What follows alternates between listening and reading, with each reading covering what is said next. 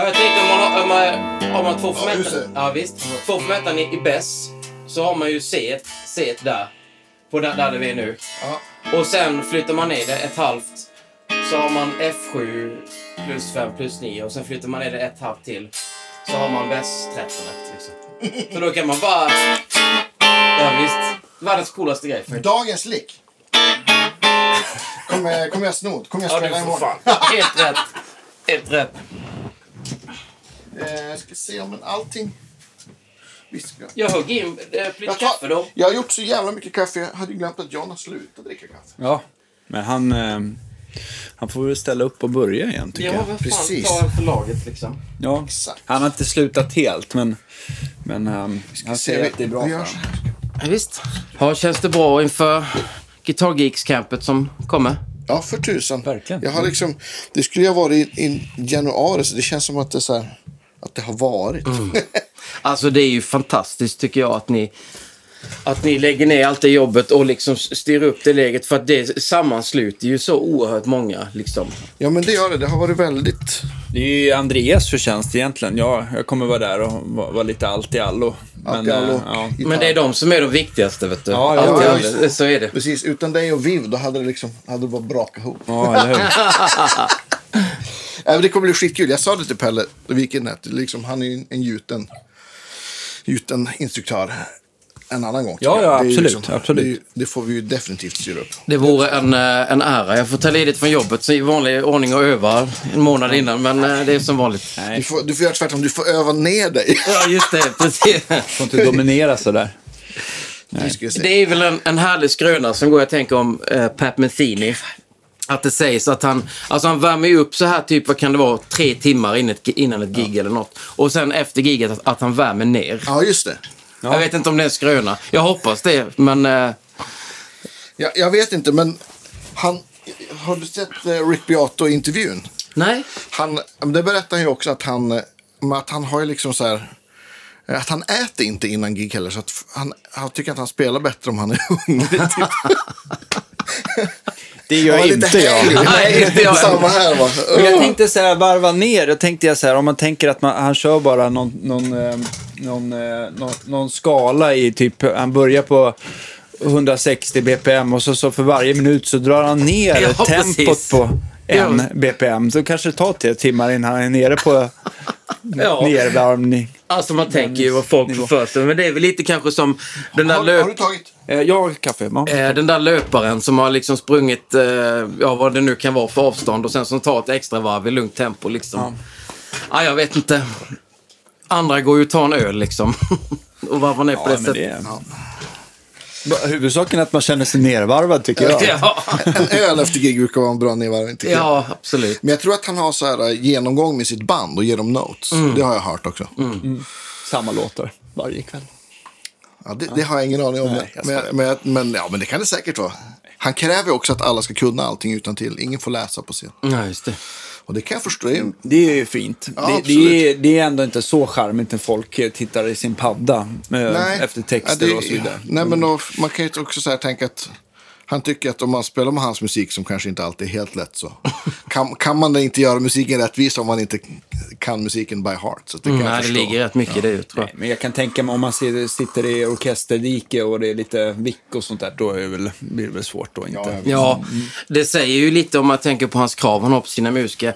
Trummisen eh, Antonio Sanchez, eh, när han kom med i bandet så då ersatte han ju en snubbe som, om jag har förstått det hela rätt, fick foten liksom. Okej. Och då hade de frågat, liksom, han var ju jättebra den, den trummisen, där, varför gjorde ni om han? Ja, men du vet vi gör så här 260 gig om året och han var bra typ 240 liksom. Ja. Då är det rätt hög, eh, hög ribba på det liksom. Eller krav, eller hur man ska säga.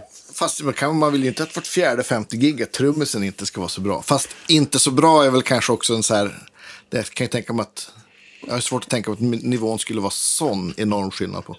Nej, men jag tänker att han kanske inte tappar trumpinnarna det där femte Nej. giget liksom, eller hamnar i baktakt, vad vet jag. Men eh, nej, det är väl så med den, den eh, liksom, de genierna är ju lite speciella, har jag förstått.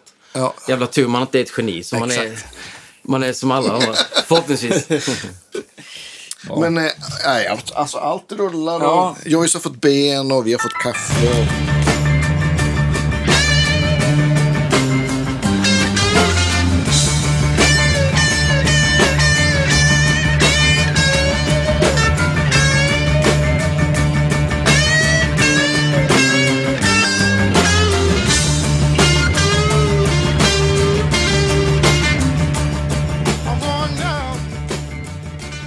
Och, och vi sparkar igång. Välkomna till Guitar Geeks podcast, mina damer och herrar. Det är dags igen. Det är torsdag och vi har eh, äran att få ha Pelle Holmberg en andra gång i vår Ja. podcast och det känns extra roligt tycker jag. Nästan, mig. Ja, nästan på dagen mig. tre år kom vi på här innan. Eller sa du? Upplyste Ja, du just oss? det. Det var ju då senaste gången vi var på FUS-mässan där, 20, eller FAS-mässan, eh, 2019. Ja, just På ett snajsiga hotellrum där. Ja, just det. När man hade lite skrovlig röst och Ja, men det var lite tidigt. Och, Ja, Men det var trevligt. ja. Men, eh, Och- men och- en liten förmiddagsöl. ja, Ja, precis. exakt. Ja, men, och, och du är ute på en, eh, en klinikturné just nu med eh, Ibanez och Crafton, eller hur? Det är helt korrekt, jajamän. Och ni har varit, ni, ikväll är det här i, här i Stockholm och det här har ju hunnit vara då, då alla ni som lyssnar på det här som inte var där kommer jag ha missat det tyvärr. Men vi, del, vi delar kvällens event på vår Facebook-sida ikväll, idag så att folk hinner också, kommer jag på. Fantastiskt. Men var har ni varit då? Ehm, man skulle kunna säga att eh, den röda tråden eh, genom resan har varit eh, åka bil. För min lilla resa startade ju nere i Malmö och så tog jag mig upp till Magnus då och sen så körde vi, Magnus bor i Kungälv där. Eh, så körde vi bil upp till Umeå och så Oj, fick, fick vi inleda... Skönt. Ja, Då det, hinner Körde man prata ihop sig. ja men precis. så att eh, de har ju en eh, gitarrmässa som de körde för första, första gången nu då, detta året. Just det. Som var, enligt vad jag kunde förstå, full succé med ungefär 700 besökare och Jättekul att höra. clinics och massa sånt där. Fick du med dig någonting hem från mässan? Ja, det gjorde jag faktiskt. Fick jag. Eh, köpte mig en fin ny eh, stämapparat från eh, Dadario. Jaha. Gjorde jag. En sån ny klipp. Eh, Clip-on-stämmare, för jag glömde min andra hemma. Tillsammans med mina skivor också. Som Sådana borde ju du få på parti och minut. det är man. faktiskt vad Magnus sa också. Men jag tänker att det, man måste... Man måste stödja ett sånt här Ja, men precis. upcoming-bolag. Ja, exakt. Ja, exakt. Så det kanske händer något. Nej, men ehm, i övrigt så nej, det var väldigt trevlig mässa. Sonnemo var ju där och Lundgren och David Henriksson och massa sådär. Så, Ja. ja, väldigt Ja, trevligt. men jag, jag såg, såg bilder. Jag, jag, jag hade inte möjlighet att komma den här gången, men jag, jag hoppas att nästa år. Om de, de lär väl köra igen Men det är ju lite sån succé. hemmaplan nästan. Ja, men det är det ju. Det är ju sju mil från lilla granen som jag kommer ifrån. Mm. Så att, men, eh, men då hade du klinik där också då? På, Yes, det hade jag. I vilken, eh, vilken lokal? Jag har ju varit där jättemycket på Folkets hus i Umeå. Om jag inte minns fel så hette den Tonsalen. Ja, var det. det. Vilket var precis eh, rakt till vänster när man kommer in genom entrén där. Precis. Så att, eh, nej, jag pratade en del om eh, A-setorna som jag spelar på och Mm. eh, NXL-strängarna som sitter på, för det är ju i Dardarios regi också då. Ja. Och sen så bjöd jag, bjöd jag på lite musik. Ja, Ja. kul. Lite covers, lite Creedence och lite, nej. eh, mycket egen musik från ja, skivorna som jag har spelat in Mm. Ja, och sen någon gammal blues och sådär. Har ni med PA och grejer då också? Eller? Eh, nej, det fixar folk på plats. Ja. Så det har, det, den röda tråden där har varit eh, den gamla stolpen, ni vet. Ja. Alltså Ja, Bose. ja, pelarna. precis. Som man har haft bakom sig hostandes liksom. Ja, just det. Inte in, stolpen, då tänkte jag så här, Mackie 450 aktiv låda. precis. Nej, men Den är en klassiker i och för ja, sig. absolut. Mm. Ja, men vad kul. Och, och, ni, och så sen åkte ni vidare från Umeå. Det var då i lördags, va? Jajamän, Ja. det stämmer. Och då begav vi oss till Sundsvall, så var vi i en uh, musikaffär där och igår så var vi i Uppsala. Ja. Och så är det RML då, Birkagården eh, idag och Linköping imorgon. Och sen är det att ta sig hem till fru, barn och hund. ja. Just Kul. det. Va, det, har- det har, jag bad ju genast plocka fram pedalbord och grejer här Mm. inne. För det, var ju, det, var ju, det har ju hänt saker sen vi, sen vi såg. Så sen också den här pandemin har gjort att man har liksom inte träffat någon på, Nej, på någon fast guitar show eller på något gig eller någonting. Så att... Men AZ-gitarrerna har du liksom har du spelat på ganska länge nu va? Ja, det blir faktiskt till, eh, till julen som kommer så är det fem år jag har spelat på dem. Och eh, ja, trivs kanon. Nu fick jag ju en ny tele då innan, eh, innan, ju, innan julen här liksom. Och eh, jag har alltid egentligen varit en strata-kille och en one guitar dude som Ja. försöker köra på en gitarr alltid. Liksom, sådär. Men nu sen man fick telen så har man ju spelat eh, oerhört mycket på den. Sådär. Olika instrument, likväl olika pedaler lockar ju en till att spela på olika sätt. Liksom. Ja. Eh, jag tänkte på den där telen som, Mm. eh, som alltså den har ju Ibanez-språk med huvudet och sådär, och, men, men mera, mera tele i formen jämfört med den andra AZ. Men vad är, det, är det några andra grejer som skiljer, eller känns det som att man plockar upp en tele?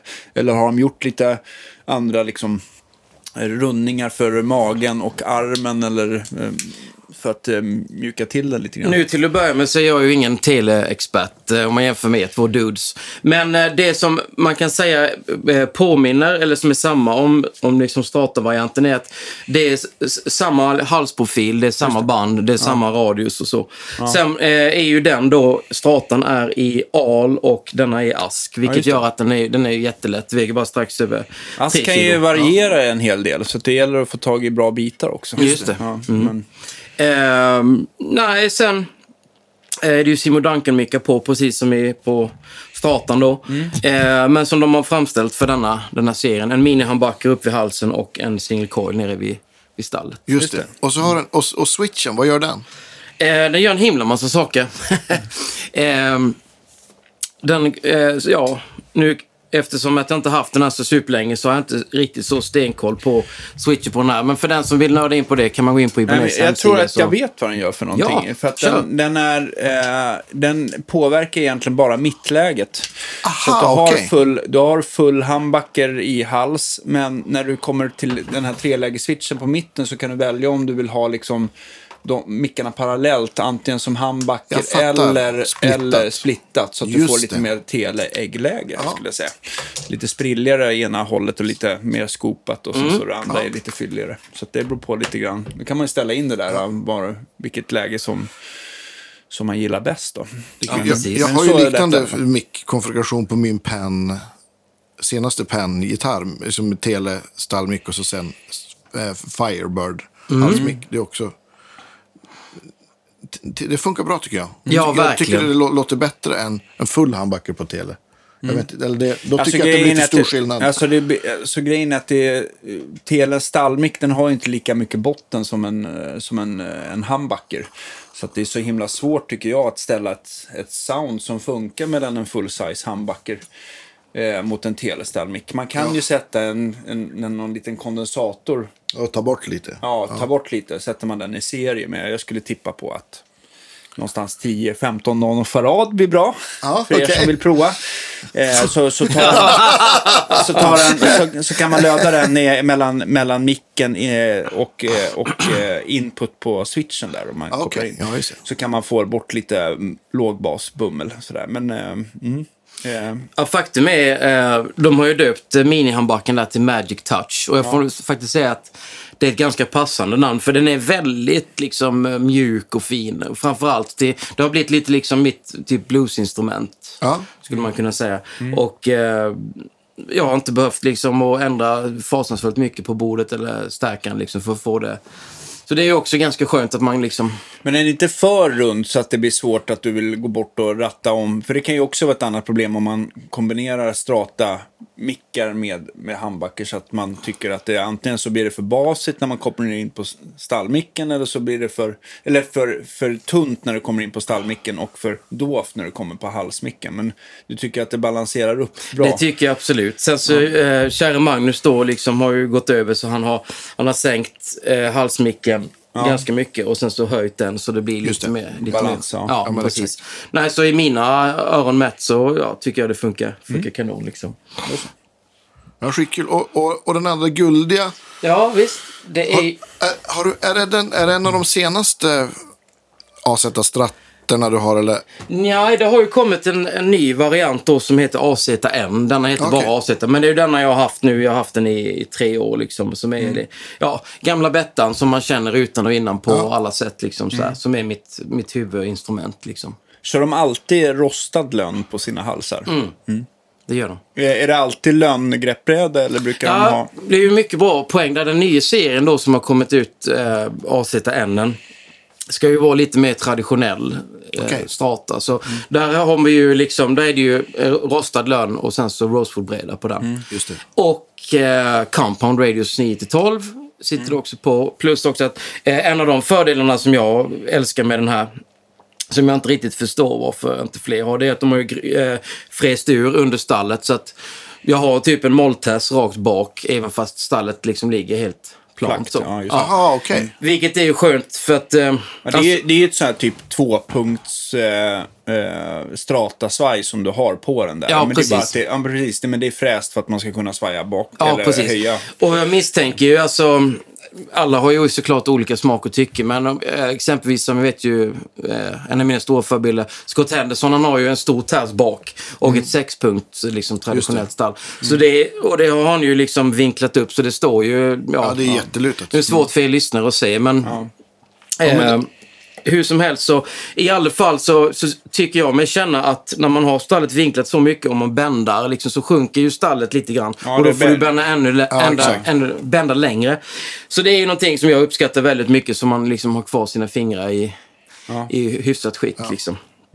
Sen har också så har de ju, ehm, det har de inte på den, bland annat då den här nya AZN, utan där ligger stallet mot, eh, mot kroppen. Ja, just det. Och, så. och plus också att det är lite annat. Här är det ju ti- titanklacksadlar och titanblock där bak. Medan på um, AZN så är det mässing. Ja. Och det är lite andra mickar som har lite mindre output i sig. Men är det handbacker på den också? Handbackers HSS? Jajamän, Ja. det är korrekt. Just det. Då får man gärna klämma på ikväll om man Ja, men visst. upp Ja, men jag, har jag kommer Magnus har komma sån. eller? Ja, kul. Grymt. Är den- är är ju en väldigt fin eh, guldfärg tycker jag också. Man gillar ju guld. Ja, men det är härligt. Ja, nej, den... Eh, jag hade lite tur. Jag hittade den, hittade den då. Och det var ju sån här limited edition just med färgen. Ja, det var det. Ja. Så den görs inte längre då. Så att där är jag jättenöjd. Men har den där flackare radie eller är det 9,5 till 12 också på den där Eh, det är gitarren? 12, 12. Över, över hela. Så jag i princip, eh, nej den är som, ja, som när jag fick den. Jag har bytt sadel. Inte jag, men eh, Ja. en dude nere i Skåne. Ja. Eh, Micke Åkesson gjorde det. Vad, vad är, det, är det stålband eller? Jajamän. Ja. Det är uh, jumbostålband. Precis som på Telen då. Just det. Jag har inte spelat på just den där, men de jag har testat känns ju alla jättebra. alltså. Ja, de är fantastiskt sköna. Det är ju så skönt, alltså, jag tänker på när man, det är ju smaka, så, såklart en smakfråga. Jag tänker på eh, stålband har ju lite mer liksom, eh, vad ska man säga, flimmer i sig. Alltså de är lite, lite pingigare så. Och eh, än vad nickel är. Men eh, jag körde ju nickel ända tills jag började typ med Sir och Tom Anderson och det där för Ja. herrans. Och jag fick ju bandslipa en gång om året. Och det vet ju du, man kan ju Ja, bara bandslipa x antal gånger och sen är det nya band på Ja, det. men Ja, men framförallt om man gillar den här jumbo-känslan så finns det ju, det är klart att det finns ju mycket att ta på dem, men det är den, den känslan som man vill åt försvinner ju Ja, ja men varje bandslip, absolut. precis, precis. Men sen, eh, sen så tänkte jag liksom på titansadlarna där. Mm. Eh, har du jämfört liksom eh, mässing alltså, och titan på samma gitarr? Att du har bytt stall eller har fått någon uppfattning om det där? Eller? Jag att Magnus, har gjort det. Ja, han, han har inte titan. Nej. Eller som vi säger i Karlskrona då, titan. Titan! Eh, Cowbell! ja, men precis. Han, eh, han har dragit på mässing då på, eh, på sitt stall. liksom, För han tyckte att det blev, att det blev för bright. Ja. I, och ihop med storbanden då. Men nej, jag har vant mig vid det liksom. Sen så får man också tänka på att det sitter ju treble bleed på dem. Så att det är ju kanske någonting jag funderar på om jag skulle pl- plocka bort bara för liksom att få testa. Vad är det du tycker, det, vad tycker du att det händer som du inte gillar med treble Ja, det är ju det när du, om man exempelvis, eh, ja, om jag kör på, om jag har ganska mycket dist exempelvis, så vill jag kunna dra ner volymkontrollen så mycket så att om jag, volymkontrollen är på ett eller två och jag bara drar löst ur strängarna så ska det i princip vara cleant. Medan man ska kunna ha jädra dist längst upp på toppen. Och vad jag upplever lite med om man har treble bleed på, om man är nere här liksom 2, 3, 4 någonstans så blir det, blir det ganska toppigt liksom. Ingen bas kvar. Det, kan, det går ju faktiskt. Jag tycker problemet med många treble är att de lägger bara en, en, en, en konding över... Eh, alltså volymkontrollen, om du bänder upp den så har ju den tre terminaler. En ska gå till jord, en, den i mitten är ut och den eh, längst till vänster är input. Då, då. Och då lägger man oftast en konding då mellan, mellan terminal, eh, alltså mellan input och output. Och då blir det, eh, mellan terminal 2 och 3. Liksom. Eh, och då blir problemet att, att när man eh, skruvar ner så upplever man att, liksom, att diskanten ibland stannar kvar mer än basen. Att det blir liksom, den sänks inte jämnt. Nej, men precis. Men det där går att plana ut.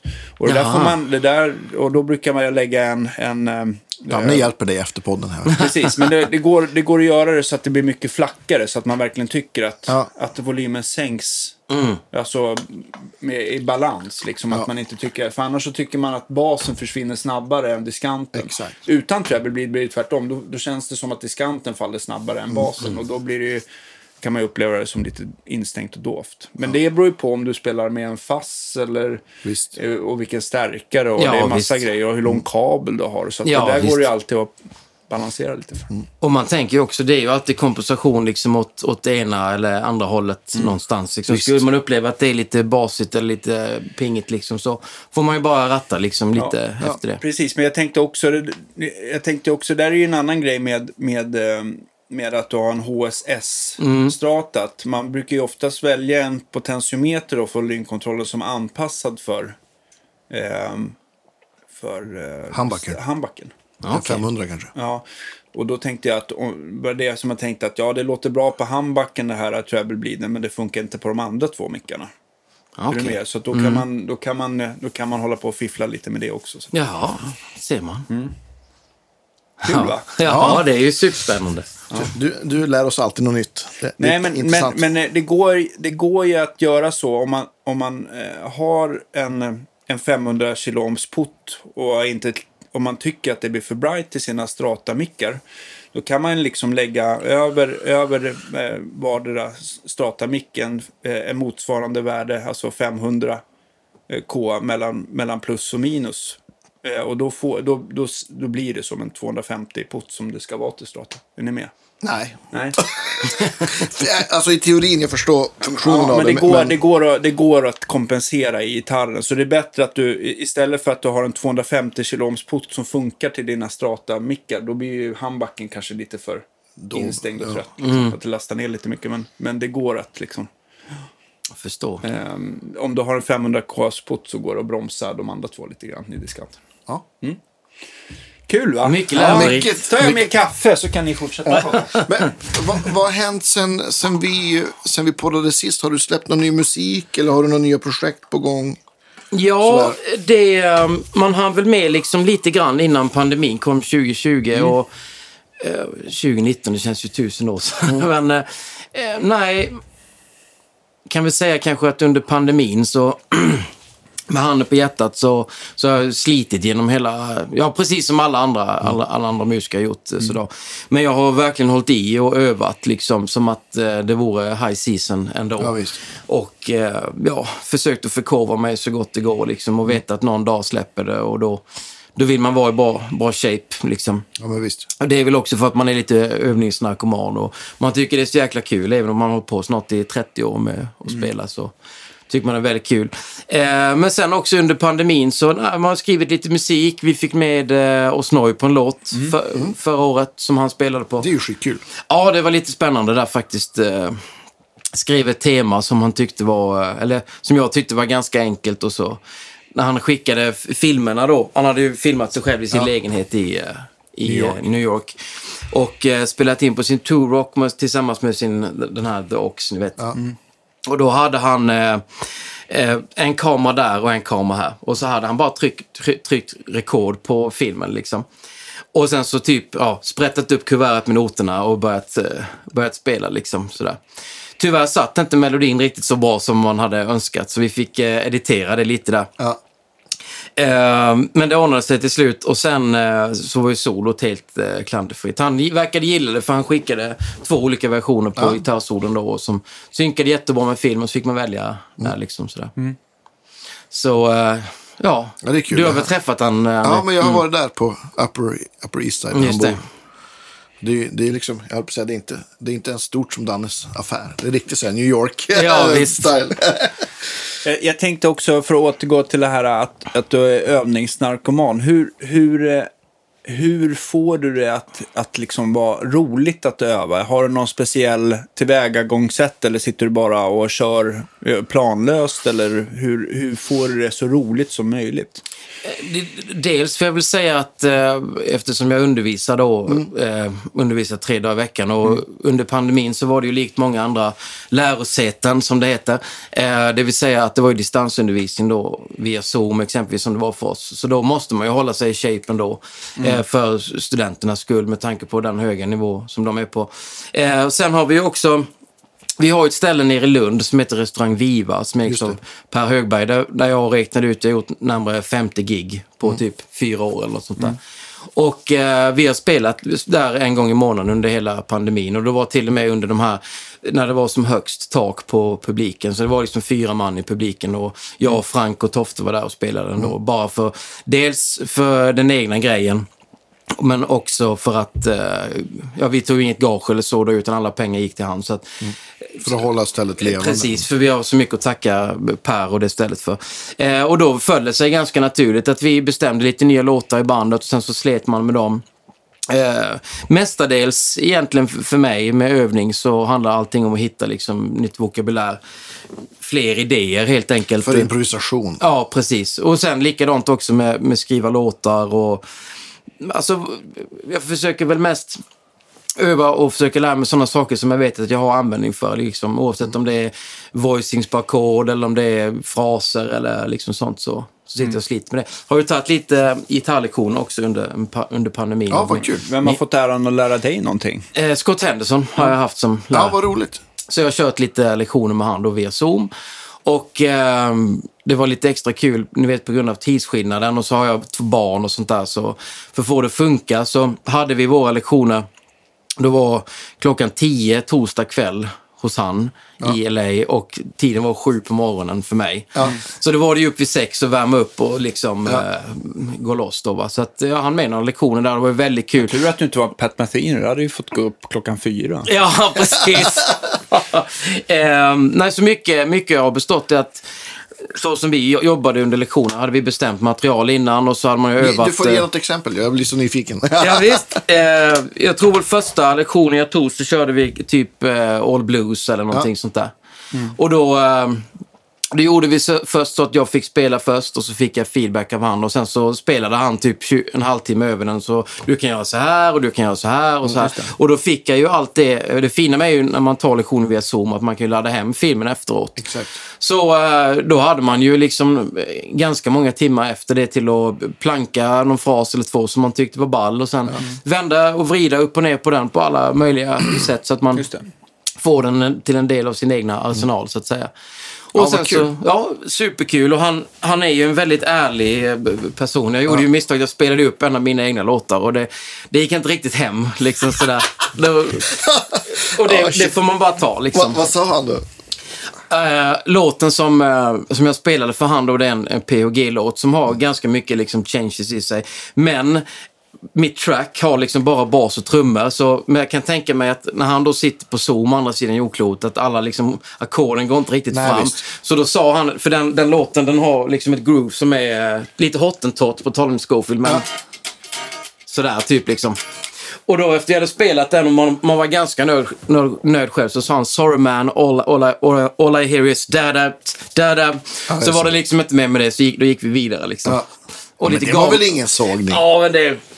Ja, det, det är väl alltid sådär man visar upp eh, sitt egna är lite extra. Ja, såklart. kanske. Men, jag, men man lär sig läxan. Eh, och sen har vi hållit på, vi har spelat mycket av hans egna låtar som jag har kollat in då. Ja. Och lite, ja, lite standards och sånt där. Jag är ingen jazzare liksom ute i fingertopparna, men vi kunde spela över det fast på mitt egna sätt. Liksom, Mm. Ja, sådär. Så vi har köpt bland annat då eh, eh, Wayne Shorters Fifo Fi Fum. Fy fan, five, fan. Ja, vi brukar kall- sammanfatta den på skånska som fy fan istället. eh, och den har faktiskt eh, har jag förberett till klin- de här klinikerna jag har Aha, gjort nu. kul. Men det har inte blivit tid att köra den. Liksom. Nej. kommer jag önska den ikväll. Ja, gör det. Den är ju lite, lite speciell. Eh, sådär. Eh, nej, och sen är man ju jätteglad nu att eh, allting har lättat för alla och att eh, alla, alla ens kompisar och alla ens... Eh, du, spill på lite. Jaha, du ville ha med? Jag vill ha med. Självklart. Tack. Varsågod.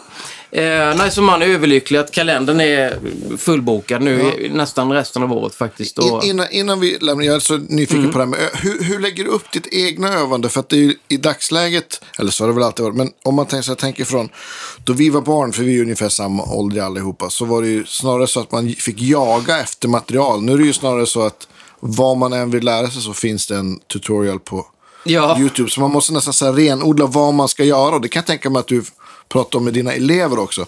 Hur, hur lägger du upp det själv? Väljer du så att ja, men jag ska öva på turnarounden på All Blues i en kvart med de här koncepten? Eller hur, liksom, hur mycket bryter du ner det liksom i? Eh, mestadels, så nu sista åren så har jag varit väldigt, väldigt inne på DIM exempelvis och halv hel då och alla de treklangerna som finns i de skalorna. Och kan inte säga att jag är jättebra på det men man har snappat upp någonting lite här och där. Och mycket, mycket av tiden har gått till att bli bekväm med att försöka hitta och höra soundet själv och ehm, kunna liksom applicera det oavsett om jag spelar blues eller om jag spelar POG eller vad det nu ska vara. Liksom. Att det, det ska komma lika naturligt som en eh, Amol-penta på Ja, femte bandet. Liksom, sådär. Och sen eh, exempelvis, eh, det kan vara typiskt övningspass, liksom när man värmer upp lite och sen så kör man efter någon track bara för eh, släppa loss lite. Och sen så har jag kanske något lick som jag plankat av någon och då försöker jag vända och vrida på det. Jag byter rytm, jag byter toner, jag byter modes. Eh, om det är shuffle eller om det är rakt eller liksom allting sånt där. Olika positioner på halsen. För det är ju lite sådär mardrömmen att man läser någonting men så kan man bara spela det liksom på, bäst. på Ja men precis. Och det liksom, blir liksom bara ett lick och då blir det ju lite att det blir ju som om man kastar in ett helt främmande ord i en mening när man, när man spelar. Man tappar den här röda tråden. Ja, liksom, exakt. sådär. Så det är lite, lite så. Jag sitter sen så, ja. Ja, lite åt det hållet. Ja, Jag tänkte på dina... Eh, vissa gitarrister är ju väldigt känsliga, antingen för hur sitt instrument är inställt och tjocklek eh, på strängar och halsprofil och sånt där. Och vissa andra är mer känsliga för vad man har för sound och, eh, jag inte vet jag, overdrive eller, eller förstår vad jag menar? Jag tänkte så här, är det någonting där som du känner dig att det spelar inte så stor roll eller att det, att, eller att det är extra viktigt att det, att det känns rätt för att det ska liksom, du ska Jag förstår. Ja. Jag, förstår. Eh, jag skulle nog säga att jag är nog ganska en känslomänniska. Liksom, Mm. så att sound och det, det är ju superviktigt. Men jag är nog, nog ännu mer viktigt för mig hur det, hur det liksom känns. Hur instrumentet känns. Mm. Liksom, att jag, jag är ganska, liksom, ganska petig, eller Mm. sagt ganska känslig om, om halsen liksom har blivit spikrak eller om den har blivit en liten böj på den. Mm. Och det var ju en av de stora anledningarna till att jag började spela på de här de är rostade halsarna. Där, för de, de ändrar sig ju minimalt. Liksom. Och framförallt nu när instrumentet är inspelat. Så jag har inte ändrat på den halsen, jag vet inte, sen typ förra sommaren eller någonting sånt där. Och den är likadan. Så att jag är nog mer känslig i hur det känns, liksom, än hur, eh, ja, liksom soundet eller vad man ska säga. Liksom, så, Ja, jag, jag gillar ju just det med rostade halsar, för det blir ju som att man har liksom ett trät har legat på hyllan i 8-10 år Mm. innan man gör gitarr av det, så att det rör sig mindre. Det tycker Mm. jag också. Det känns... Eh, det som man får, som man kan säga om man gillar eller inte, det är att man får den här rostade looken helt enkelt, Mm. som är lite mörkare och lite, ja men lite lite, lite rödare. Men en sak jag har märkt med rostade halsar när man har bandat om dem, det är att det blir, man får vara försiktig när man lyfter ur banden jämfört med vanliga läder. för att Det är mycket sprödare och det kan Just det. flisa. För så att det det är Ja, okej. hårdare. Ja, Ja, men det, är det- torr, det känns liksom så här um, som att det har blivit, um, alltså inte torrare, men att det blir... Um, eh, Känsligare liksom. Ja, men alltså att det, det sprätter upp eh, lite enklare liksom som, som um, ja. Ja, jag tror att ni förstår vad jag menar. Ja, jag förstår. Absolut. Vissa säger ju också där att eh, Skottan exempelvis, han menar ju på att han tycker att eh, de surgitarrerna han har, som ha, äh, har eh, roasted maple neck liksom, eh, det är de som han tycker låter bäst liksom. Sådär, att det har lite djupare ton, tycker han. Ja. Sen är ju han extremt nördig med sin ton. Han, har ju, han kör ju alltid liksom dry wet och så en 412 och sen så typ brukar han ha en deluxe vid sidan om. Ja. Och 412 vänder han ju upp och ner liksom.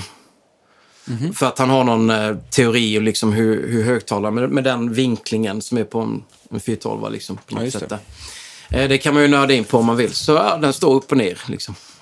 Ja. Ja. Det känns lite så här som... Det känns ungefär lika nördigt som eh, i så här, Eric Johnson-klass. Att uh, han, liksom, han vin- vinklar pedalerna och, Ja, eh, Och batterierna och hej och ja. Ja, men jag kommer ihåg när jag poddade med, med Scott, det var roligt, för då var det på Rockland i Sala. Och då var det så här, men vi poddade efter, efter soundcheck och så sen, jag kom dit till soundcheck och så sen satt vi och poddade och så sen stannade de kvar för det var liksom hotellet var en bit bort. Och så sen så här, ja men Scott gick till logen och jag satt åt. Sen blev han uttråkad och kom tillbaka och satte sig vid mitt bord. Det skulle man ju också ha spelat in. För, för då började så här, då började han prata om så här, ja men träslaget i, liksom, i buffen på 412 och grejer. Och man bara, nej det här har jag, jag har ingen aning, men du har, du har ju förmodligen testat det här. Och, Alltså buffen tror jag, den, jag tror att det skiljer sig ganska lite. Men man brukar ju använda olika dimensioner av Ja, det kan ha varit dimensioner han pratade om, ja. Men jag tror inte buffen, den klar, den, den, det finns säkert de som gör det så, eh, i solitt också. Där, men det blir, jag, jag tror att nästan uteslutande att man, om man använder något solitt trä så gör man det liksom i Ja, själva ja, men jag har för mig att han liksom. pratade om att ja, men de gamla var gjorda i björk och de tyckte Ja, han björk, lät, björk plywood. precis, ja. Mm. de tyckte han lät bättre. Som jag minns det liksom. ja. Ja, men en, en, en tunnare buffel och en lättare buffel rör väl sig annorlunda än en, än en ja, Ja. och så vidare. Så, där. så det har säkert lite olika påverkan Ja, på elementet. En, en jättekul sån, Erik Mårtensson, god vän och gitarrnörd. Och han har ju vill- varit med i podden. Han, han skickade, han har liksom, han har en jättefin studio på, på Sollerön. Och då skickade han alltså samma riff, samma högtalare, fast tre olika lådor.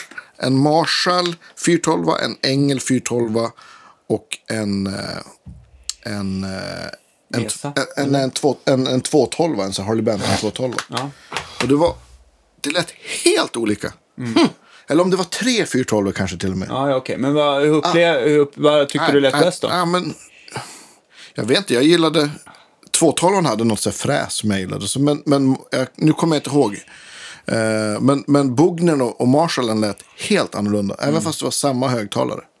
Det är helt otroligt. Ja. Det ska ju liksom inte, men uppenbarligen har ju... Alltså, eh, om, om man verkligen så här rent teoretiskt får exakt micken på samma avstånd till Ja. högtalaren som man har skriv, skrivit i och ur. ja, Att den träffar dig. För det är ju så himla känsligt. Om, du Ja, vet ju visst. själv när man Ja, flyttar oh ja. micken bara någon centimeter så, så blir det något helt annat. Men om man säger att han lyckas med det så har väl olika lådor, de har väl olika... resonansfrekvens kanske. Ja, men dels av delmaterialet och sen så hur många liter de har Mm. Ändrar väl också. Men jag tycker så här, nu, sitter inte vi lika vetenskapligt eh, i mitt provrum här och provar när vi håller på att jämföra element, jag och John. Men, men det är det, det, alltså samma element i en 112 mot en 212 och en 412, det kan ju, det kan man, jag tror inte att det är samma, att det är Samma. element alls. Alltså. De skiljer sig jättemycket. Se, vilken härlig urspårning vi har gjort. ja, verkligen. Så att man, eh, man blir, eh, ju mer man provar, desto mera, ehm, ehm, ja, Ja. galen blir man kanske. Mm, exakt, precis. Vad heter det? Vi eh, går tillbaks till, till någonstans där. Jo, du, du sa kalendern fulltecknad. Vad har du framöver som, som ligger så här? Eh, jo, e- ehm, Efter klinikturnén här. ja, det drar igång redan på söndag faktiskt. Okej. Eh, Jag blev uppringd av eh, legenden Anders Berglund, Ah, vad dirigenten, kul. innan, eh, precis innan jul. Så då ska vi göra en, eh, en föreställning på Malmö Live som heter Benny i våra hjärtan. Och, ja, Ah. Alla hör ju vad det innebär. Det är Ja, ju visst. bar och ABBA och musikal och Ja, hela biten. Så det är jag och så eh, Rasmus Kihlberg, Kalle Magnusson och pianist samt ja. Malmö symfoniorkester och eh, Anders Berglund. Så då håller vi på att repa med det i tre dagar och sen är det väl fem, sex gig tror jag. Ja, kul.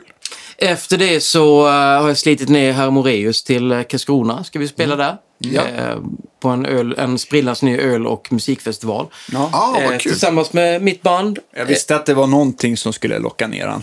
Ja, precis. Exakt. Va- Vart spelar ni då någonstans? Eh, det är ju den här eh, Blekinge öl och musikfestival som Ja. sätts upp för första året. Ett jättestort tält på Stortorget mitt i stan i, i Karlskrona. Mm. Så vi ska spela där eh, en kväll med Kalle då och sen Mm. så sticker han tillbaka. Eh, och det under, ja faktiskt, det glömde jag säga, men under pandemin så tog jag ju med han till POG då, till mitt band och så gjorde vi en fem dagars sväng runt om i, i södra det, men det Sverige. såg jag. Just det. Och det, eh, det var ju när, när det var den här 50-personers gränsen och det löste sig faktiskt fint därför vi gjorde såna här, typ som det är i USA, two-seaters, det vill säga att man spelade ett set för 50 man eh, och sen så fick man byta publik helt enkelt och så körde man ett set till. Så blev, fick alla pengarna man ville ha och alla var nöjda och glada. Och vi hittade ju verkligen varandra där, eh, återigen. Så att eh, vi försöker eh, följa upp på det spåret. Eh, det är väl snarare att det bandet går under eh, Pelle och Kalles Blues-inferno än vad det är Pelle Holmberg Group featuring Kalle. Då. Men eh, hur som helst, sen efter det så hoppar jag på lite musikal. Då ska jag spela uppe i Helsingborg på arenan där. Uppe säger jag ju för att jag bor i Malmö såklart. Annars är det ju nere. Men eh, då är det väl ja, 10-12 föreställningar där. Med mycket av originalcasten från, från Chess. Just det. Vilket är en fantastisk eh, musikal att spela. Jättebra spel av Lasse Welander där Ja, på shit. originalet. Så det är mycket notläsning och en av de absolut största tabbarna jag har gjort eh, i min karriär. Och eh, fast som jag lyckades rädda upp gjorde jag när jag spelade Chess för, för, förra gången då. Okej. Det får jag nästan berätta om. Ja. Eh, vi gjorde ju då, eh, det var ju på Nöjesteatern i Kristianstad och då gjorde vi 44 föreställningar. Eh, det brukar ju vara så att framåt föreställning 17-18 sådär så tycker man att ah, men nu, nu sitter det, nu kan jag det här liksom. Man börjar bli lite kaxig liksom. Så då var det en paus så här på typ 122 takter liksom. Och normalt sett så har ju min perm då, eller min iPad, så skriver jag alltid ner lite vad som händer vid varje del i låten. Exempelvis att där vet jag att där, där händer, händer det, eller där börjar den sjunga så att man kan orientera sig ganska snabbt. För de första föreställningarna då satt man ju verkligen och räknade, 120 takter. Ja. Men inte denna gången. Och eh, hur som helst så det som händer då när jag ska komma in, det är att eh, jag ska ha liksom full, full gas på disten och så komma in med den här du du du du du du du du du du du hjälte liksom. Och man sitter där liksom, det är inga problem. Och så drog jag igång, ja nu kör vi. Det var bara det att jag var ju en takt för tidig. Och vi satt nere i liksom vid, nästan som en krypta, vi, alltså orkestern, det vill säga då trummor, bas och blås och sådär. Så jag har ju kapellmästaren då, dirigenten Nils Petter Ankarblom på video. Så jag ser hur han liksom lyfter en en meter från stolen. För det är ju en unison melodi som då ska gå med massa andra instrument. Och då är det ju sådär på en sekund inser man att shit, jag är helt fel just nu. Så det jag fick göra då är att jag fick spela du du du du du du du du du äh, förlåt du du du du du du du och så fick jag låta de andra du, du, du, du, du. Ja, jag började inte om den faktiskt, utan jag höll tonen och lät de andra spela i kapp och sen så följde jag med. Liksom. Ah, snyggt! Ja. Så det, det, de kom fram sen, du den där kanonmelodin ni spelade där, det var väldigt snyggt. Uff, ja, tack gode gud. Men ni vet sådär, när, när man går från liksom total glädje till total svacka Panik, på en ja. sekund. Ja, liksom. eh, så att det ska bli kul i alla fall att spela den musikalen, för den är väldigt, eh, väldigt utmanande. Eh, en sak är ju liksom att, spela kanske tekniskt svåra saker, eller ja, ni vet spela tight, spela fint, men spela ihop just mycket av den musiken i den musikalen som är så himla levande. Det är någon som dirigerar och klassiska musiker har ju, inte alla, men många har ju en, annan, en helt annan uppfattning om time. Det är ju mycket mer tillbaka än vad det är, kanske som vi som spelar mer rockmusik är liksom ofta mer på i time. Så det var, kan ju vara ett himla bråk om vad, Det vad kan man man ändå ligger. känna lite grann på Yngves klassiska skiva.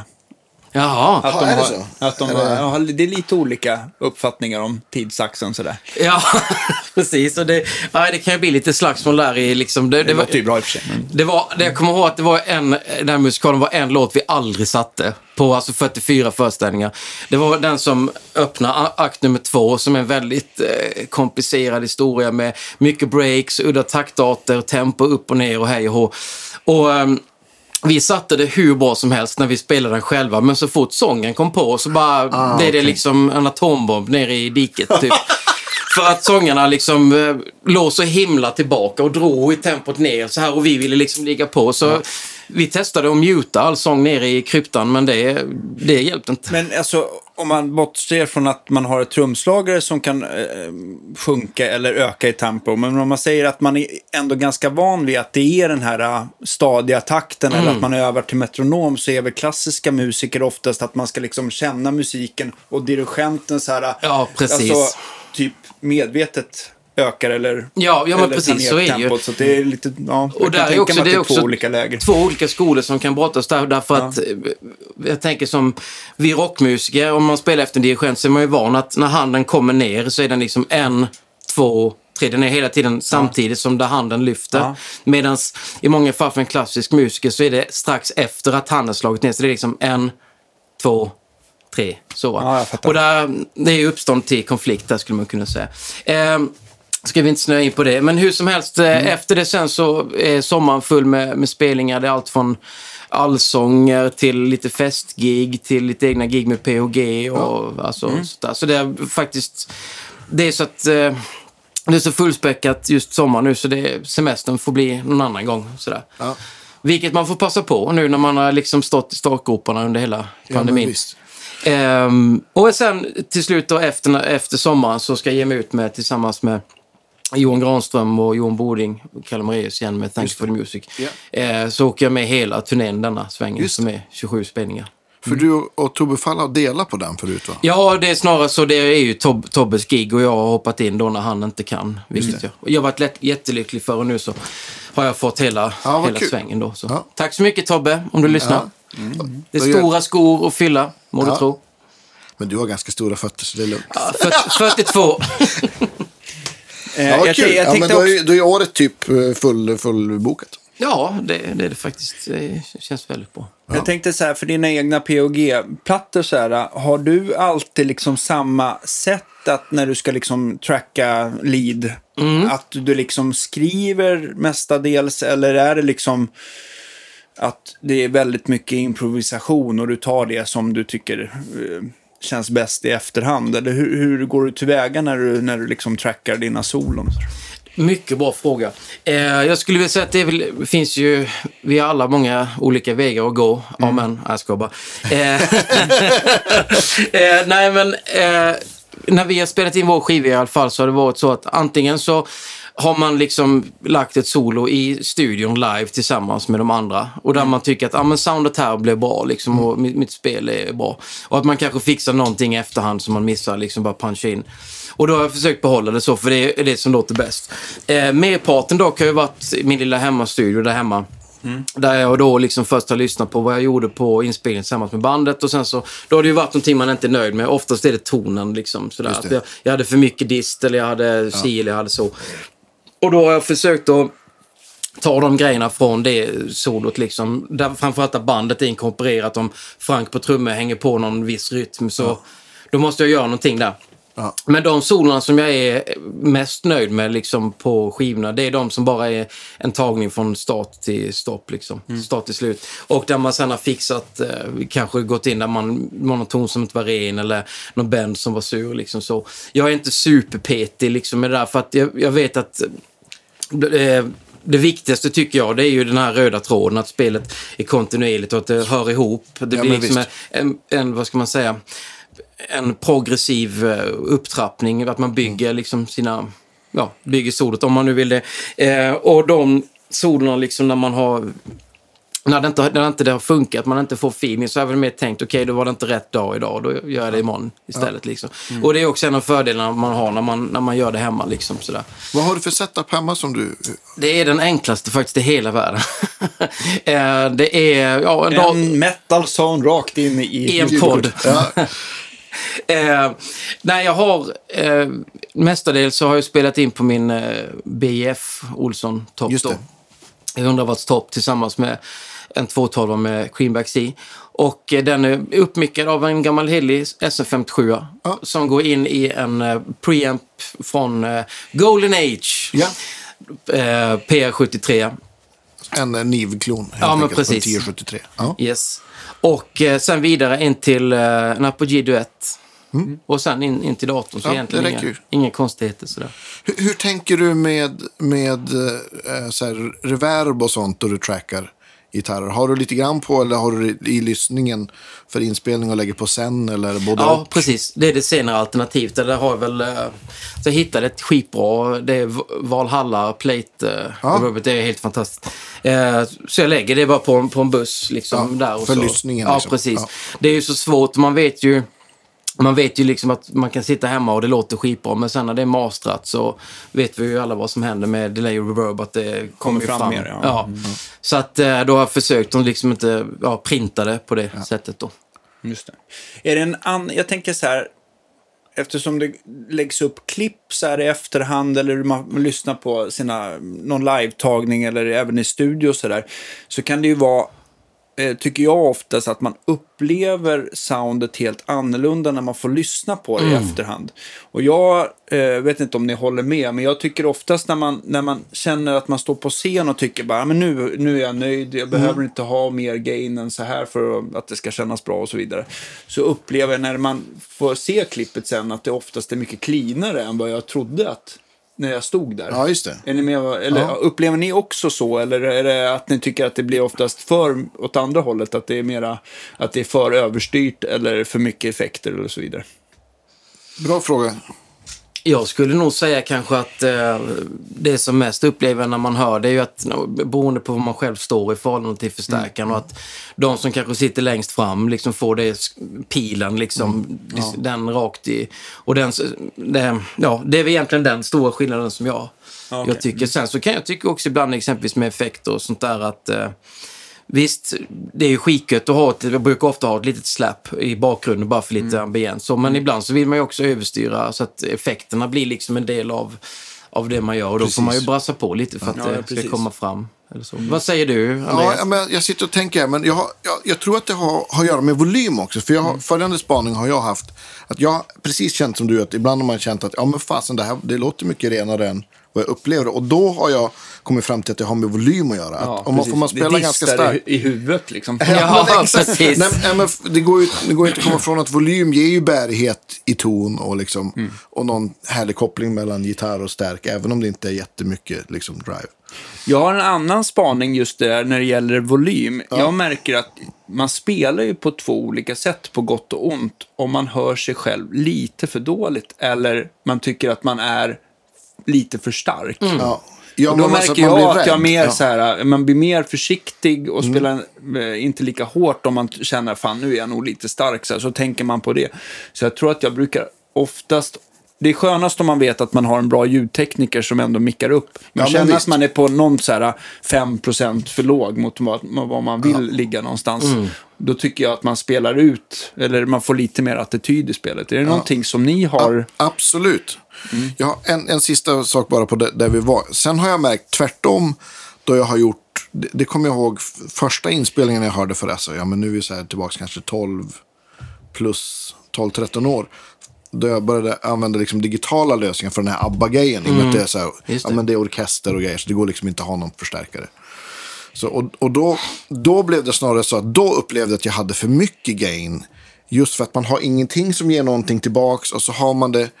Och så tycker man att det, man står med in ear så tycker man kanske att det fäster på lite bättre. Så, så då fick man liksom, då kom jag på att om man, om man backar gainen så har jag mig själv lite starkare i öronen istället. Så känns det som, så då, då låter det som det ska så känns det liksom lite, lite bättre på något vis. Ja. Ja, så att, och, och, och det tror jag helt och hållet har att göra med att, att man inte har någonting som, som låter bakom en. Att, att man kände att, man, att jag behövde mer gain för Just att det. jag inte hade en Drivas stark- lite. Ja, exakt. Ja. Absolut, och sen är ju Ineo en helt annan eh, femma.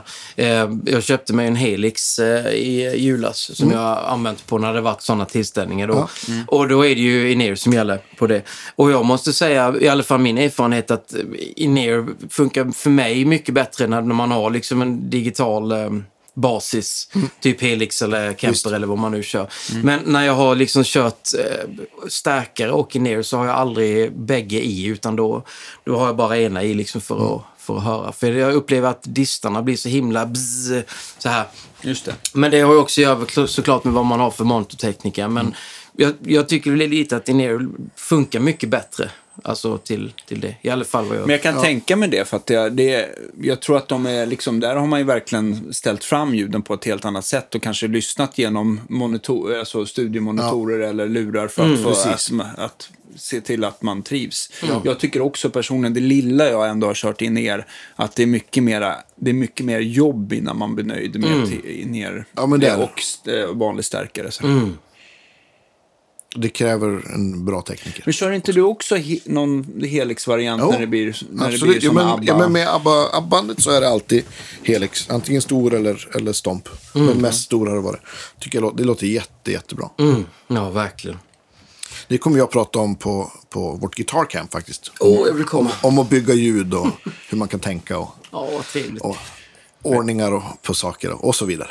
När, när det kommer till ljud så, och du har ändå släpat fram ditt fina pedalbord. Nu kommer inte Mm. jag exakt ihåg om, jag tror inte du hade med dig pedalbordet sist när vi körde Nej. 2019. Men Nej, va, va, vi, kan, vi kan ju gå så här, äh, vi kan ju antingen börja från start till mål eller så kan vi också prata lite grann eh, vad som har bytts ut eller ja, lite grann vad som är senast tillkommet sådär. Så det har väl hänt en del sen, eh, det brukar ju hända en del på, i alla fall på mitt pedalbord på de, Ja. på de åren. Ja. Eh, nej, det har väl hänt en del. Eh, ni kära lyssnare ser ju inte eh, pedalbordet lägger upp en framför. bild. Vi kan lägga upp en bild. Eh, men för er som ser så är det så att det enda som egentligen har, eller, som är kvar sen vi såg sist så är det eh, Custom Audio Electronics, Wow One. Eh, Som ligger andra i kedjan, eller? Nej? Jag, nu kommer jag inte ihåg riktigt hur jag har kopplat ihop det där, men jag tror, undrar om inte den ligger näst så gott som sist faktiskt. Jaha. Eh, och det övrigt som är också är kvar sen dess så är det Vibe Machine, Univiben och eh, Timelinen. Allting annat är, är nytt sen dess. För, att, för sist vi pratade, då hade du Carl Martin Drive-pedaler. Mm, det stämmer. Eh, den blev ut... Just det, det kommer jag ihåg. Nu visst. Ja. Ehm, Plexitone var det. ja, precis. Och så hade ju deras eh, Octa Switch Två då. olika. Ja, ja och precis. så Octaswitch. Precis. Just det. precis. Och nu har du bytt, ja men du har ju bytt ut det mesta då kan man säga. Ja, det blev så. Eh, jag har ju ganska ont om plats på det här bordet så man har fått liksom tränga ihop det. Jag har eh, även un på undersidan av bordet så sitter det eh, boosten då, The Spell, från, som John har byggt. Ah, okej. Eh, Sitter den? Yes. Eh, den har jag bara på, eh, på den cleana kanalen och det har väl varit egentligen På tecken- BF 100. Eh, ja, precis. Eh, och som jag har kopplat till switchen så om jag kör cleant. Det har ju varit man är iväg och spelar och man får någon trött eh, liksom, hyrförstärkare på stället. Så distarna går ju ändå att rädda liksom, på något vis. Men det, då kan den... Är det okej Tycker jag. om jag rycker några kablar? eh, nej, men i övrigt så... Eh. Va, va, Det var en tele som höll på att smita. ja, det är bara Strömstedts. Nej, den eh, Octa-switchen rök, för den, alltså den är ju jättelätthanterlig och bra så, men den är, den är för stor, i alla fall i mina ögon. Och eh, så jag bytte ut den mot, då mot ES5 där, Ja, som. Tobbe på Boss så snällt hjälpte mig att fixa. Ja. Och... eh, Den har funkat bra. Du saknar ja, inte Octa-switchen. Nej, Nej. jag är jättenöjd. Eh, och jag har ju inte utnyttjat alla möjligheter som finns. Det finns ju midi i den, exempelvis. Jag kan koppla ihop timelinen med den. Och likadant diskpedalen som jag har då, eller hö, eh, riktiga diskpedaler. Eh, Sir Eclipse, eh, som jag tycker är jättebra. Den går också att koppla ihop med ES5. Så att den. Eh, va- Sir Eclipsen, är den liksom en, en eh, duopedal av två andra existerande pedaler? Eller är den liksom en helt egen? den är en helt egen. Eh, alla har ju haft Riot-pedalen. Eh, I alla fall provat. Den, Ja. är, den är ju bra i sin genre, så här, metal, Ja, den. Marshall. Ja. Det som jag saknade den var det att, eh, ja, att jag vill kunna ha mycket dist, men som jag pratade om innan, att kunna dra ner och få liksom cleant. Så gott som liksom. Och det, det är... Jag tycker att Eclipsen är kanon just på det, liksom den dynamiken. Eh, och dessutom vad som är väldigt smidigt med den, är att den har två exakt likadana kanaler då, för det ska likna som en starkare med gain och more gain. Så att man kan få liksom exakt samma ljud, eh, fast med ja, mindre dist. Liksom. Just det. Vilket är smidigt. Och så har den ju då trebands-EQ på varje kanal och en liksom overall tone-ratt i mitten där. Om man exempelvis hamnar på en bright-förstärkare eller någonting. Så Det är ganska snabbt- smidigt. det gör ju väldigt mycket mer lättrattat. Och sen så, jag tänker också, nu ser jag inte exakt hur du har ställt in det, men man kan ju vilja ha lite, även om det enda är, den ena sidan är lite mer gain, så kanske man vill ha möjlighet att runda av lite mer topp Ja, precis. och, Jajamän. och kompensera åt andra Mm. hållet på den andra. Men, men eh, det är ju två kanaler, men är det så att om man trycker på den ena och den andra så byter de mellan? Eller kan Ja, du ha precis. på båda? Ja, det är så. Det är, man har aldrig båda samtidigt. Nej, precis. Precis. Det stämmer Eh, så, men men påmi- vad påminner den om så här? Alltså de har ju byggt den, i, så vitt jag förstår då, liksom att den ska låta typ som... Uh, ha en dist som påminner om de här... Uh, ja, deras liksom, alltså Custom Audio Electronics och Sir är väl i, i, ja, i princip jo. samma sak. Men att det ska påminna liksom om den rördisten där, den stärkardisten. Just det. Vad heter den? OD? Precis, OD100 Ja, precis. har jag haft faktiskt, en sån back in the day. Ehm, nej, så den, den är väldigt trevlig, passar mig väldigt bra i alla fall med det som jag, jag ty tycker om. Eh, och sen har jag ju då när jag kör lite mer crunchigt så har jag Olssons eh, Green Light. Ja. Som jag tycker är fantastisk. Du har ställt alla rattar nästan klockan två alltså? Ja, ehm, den är ju liksom lite, vad ska man säga, lite mörkare, i alla fall i mina öron. Så då har fått putta upp bright-switchen och eh, tonen lite där. Ja, just det. Och sen så har du ställt den på tight-läget istället för fett. Mm, ja, precis. Så lite, ta, kapa lite botten. Ja, Och, då, och vad sitter de i för ordning? Jag tänker på switchen. Vilken, vilken av drive-pedalerna är först? Eh, ja, du. Jag tänker om du, kö- kör du green light in i den andra någonsin? Nej, nej, det gör jag inte. Inte, inte här. Där Nej. stackar jag ingenting. Det enda som jag stackar det är ju när jag drar på exempelvis eh, Fastnern eller Browning så har jag den ihop med eh, Dispel. Jag har ju ett litet eh, satellitbord eller hur man ska säga. Just det. Och det, och det kopplar du alltid in innan det här bordet, eller? Ja, precis. Vad kopplar du in någonstans? Ja, det är någon, det är någon, jag ser att det är några kontakter på Ja, sidan av precis. bordet. någon sån Det stämmer. Så att, eh, nej, det är egentligen inga konstigheter. Alltså, eh, reverbet då, vilket är den senaste pedalen, den ligger ju inte i loopen utan det är allt, alltid på.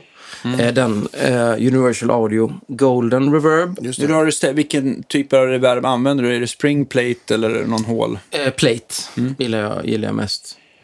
Ehm, och den är ganska trevlig därför att jag är sådär, det börjar klia på mig om jag spelar en gitarr utan reverb. Jag vet inte varför det är Ja, så. det blir torrt alltså. Med, Ja, det är som en öken. Men det är ju mig det är fel på, inte soundet så att säga. Men, ehm, så den kan man ha ganska mycket Men det på. är lite grann som att snusa, va? Har man inget reverb och är beroende, då, då blir det liksom...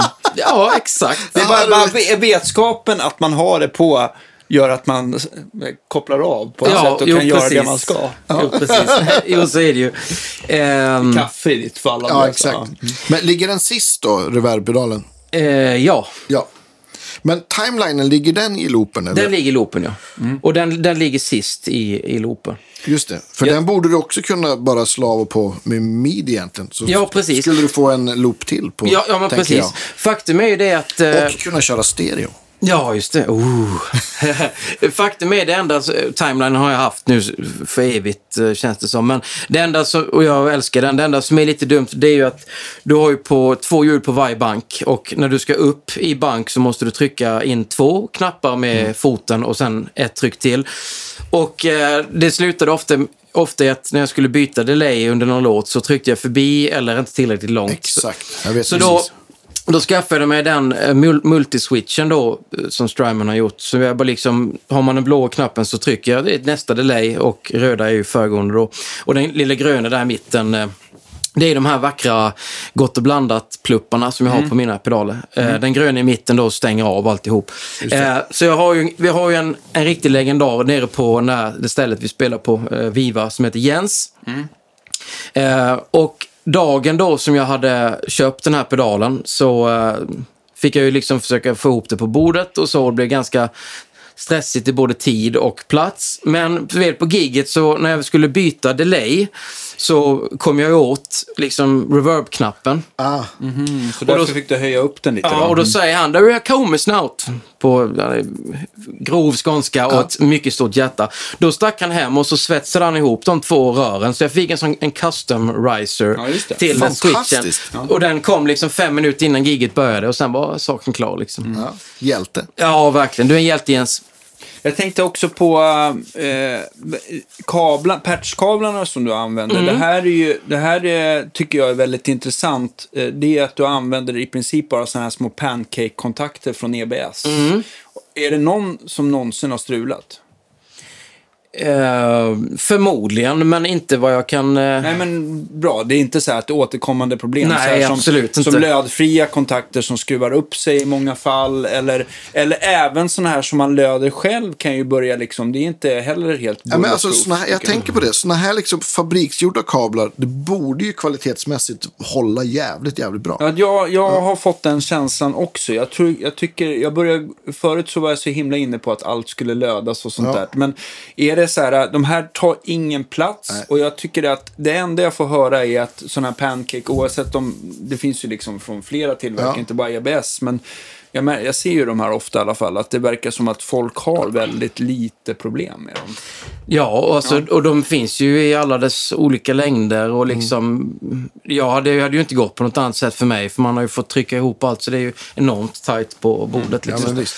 eh, nej, jag har inte upplevt... Eh, alltså, Ja, men det var bara det, Mm, ja, nu visst. kan ni, ja, man kan Jag, använda jag det har ju, jag har ju sådana där på, på, i mitt rack som jag har i studion. Just Har jag ju det på ett par våningar.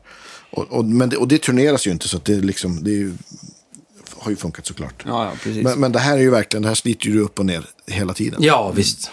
Jo, så är det ju. Jag har ju ett, ett hardcase då till pedalbordet, så det, man, kan, man kan rodda det lite riktigt i bilen. Liksom, Men, men på, då du kör eh, hemma och spelar in, Mm. kör du dist från stärken då eller från, från pedalerna? Då, kör jag från eh, pedalerna. Just det. Och så har du, har du en, vad, vad har du för högtalare till den? Eh, Du tänker till toppen där Ja. så är det ju det är en 212 som eh, John har byggt med Queenbacks i. Ja. Jag, kom, jag, bara, jag insåg att det här pratade vi inte klart om. Är ingen fara. Eh, sen, sen så har jag ju ofta, det är många som jag gör rätt mycket inspelningar och sånt där åt folk som vill ha sodon och så. Och då, då har det faktiskt blivit nu sista tiden om de vill ha liksom, ja jag vill ha något åt Lucas-hållet eller liksom så. Så jag har faktiskt lagt det på helixen. Liksom, Ja. sådär. Mest för, ja, om man har hunden hemma och man har familjen hemma så är det svårt, att- svårt att få upp 100-wattaren i liksom dräglig volym. Ja. Liksom. Vad, vad kör du för förstärkare i helixen? Eh, eh, Om man tänker för ett lead, lead sound. Ja, vad fan var det jag körde där? Jag fick ju de, de patcherna från eh, Johannes Neiker som är, var gitarrtekniker och eh, som hade fixat Tobbes Helix också då. Jag tror det är någon plexi-grej. Jag måste ta Mm. Vi reda får på byta det. lite preset sen. Ja, Ja. så jag har experimenterat lite med IR och sånt där liksom. Så det är, är trevligt. Om man tittar på ditt satellitbord så har du ju tre pedaler där. Det är en Fastner och en Brownie och en, någon Ibanez Mini-chorus va? I mitten. Ja, precis. Den är, har jag egentligen mest för att reta Magnus lite, för han, han hatar eh, korus på distat ljud liksom. så det får retas Han lite. hatar ju också vår intromelodi och vi har ju tänkt att vi ska byta för hans skull. Ja, just det. Ja, precis. Jag tycker ju er melodi är verkligen passande. Att man going down i kanin, kaningitarrhålet. Precis. Ja, Fredrik, man kan aldrig få för mycket Freddie King tycker jag. Nej. Eh, nej, så... Skaka Magnus på huvudet här. Ja, vi men älskar kan Magnus, inte- det vet ja, du. Men jo, jo, det gör vi ju verkligen. Så. Eh, ja, i alla fall det här lilla satellitbordet då, det är väl eh, den största utmaningen både med eh, PHG eller den här exempelvis Hendrix-tributen som vi spelar med. Det är ju att exempelvis i Hendrixen då, ehm, vi skulle spela någonstans förut och det står Jimi Hendrix. Oh. Ja. Det var något som inte... Men ehm, det är ju det att kan man göra vad man vill. Ja, precis. Blues Brothers liksom. Eh, nej, då, om man ska spela 20 låtar så har man gitarrsolo i 18 och så vill man inte spela liksom samma grej i varenda solo. Dels för ens egna skull och publikens skull. Så då tycker jag det är lite kul att experimentera. För då man på oktafassen eller man, vad som helst så spelar man på ett lite annat sätt och det leder en in på ett annat, annat sätt också. Sen så kan jag väl säga personligen att jag har väl retat många Hendrix-puritaner liksom sådär för att jag spelar inte det alls så utan jag spelar det som, som jag, som Ja. jag vill spela det. Så det dyker ofta in någon melodisk mål eller någon dim här och var liksom. Ehm, nej, så det, det är ju kul. Han har ju inte, vi har väl egentligen lärt oss nästan alla hans låtar. Han, han är ju inte med så himla mycket Nej. liksom. Så att, Ja, vad kul. ja. Har, har du någon, någon favorit sådär? Eller någon som har så här, seglat upp som favorit som du inte kände till sen förut? Angel tycker jag är jäkligt god. Ja. Och sen, um, åh vad hette den nu? Eh, Up in the Skies tycker jag är jäkligt god. Ja, den har ju Landa och Boysen spelat Precis. mycket. Men min absoluta favorit får jag nog säga är nog antingen Freedom eller Manic Depression. Ja. Sen är det ju så med det där bandet att man, man spelar ju ofta, man tolkar andras tolkningar. Det vill Just säga det. att man kör tolktolkningar. Kör man Bolas Love så kanske man kör lite åt Ma- Mayer-hållet. Freedom då har vi ju haft... Eh, liksom, Lukes ja, men precis. Ja. Steve Lukathes version från Candyman. Eh, och så vidare liksom. Sen blir det ju någonting annat. Ja. Nej, men alltså, jag, jag, tycker det, jag tycker det känns roligare att ni, gör, att ni spelar Henriks musik men gör det på ert sätt. Än att försöka liksom klä ut sig musikaliskt Ja, till Jimi. Hendrix. Det blir liksom, då blir det allt. Då blir det liksom istället för, nu gör ni verkligen en tribute till hans musik. Mm. Istället för att ni försöker liksom kopiera det han gjorde. Ja, till att börja med så är vi ju, håller vi inte på med några droger, mer än snusandet då kanske. Ja. Och eh, man är nykter hyfsat i alla fall. När man spelar liksom, man, eh, man har lyssnat mycket på de inspelningarna så är det ju mycket som bara blev som av en ren slump just där och då i studion. Och det är ju underbart att, att det är på det viset liksom. Ja, men, eh, Jag tyckte jag läste någon biografi att, att eh, även om Henrik gillade att ta saker så var det eh, gärna efter eh, framfört ja, nej, jag har, det vet jag inte, men så kan det säkert Men vara. eh, ja, Nej, jag har inte heller koll. ja, jag tycker jag Ber om läste ursäkt till alla ni Henriks eh, experter där Nej, ute. Men det men går alltså- säkert, det får någon säkert eh, glida, lägga i tråden här ja, och säga hur det var. Ja, men Ja. I, i, I min Någon som bok... känner Hendrix. Precis, Henrik. Henrik, precis. I min bok så lyssnar jag hellre på, på ett band som er som gör, gör, spelar musiken och gör någonting och det får ta vägen än någon som försöker spela Henriks solon rakt av. Då lyssnar Ja. jag hellre på Henriks.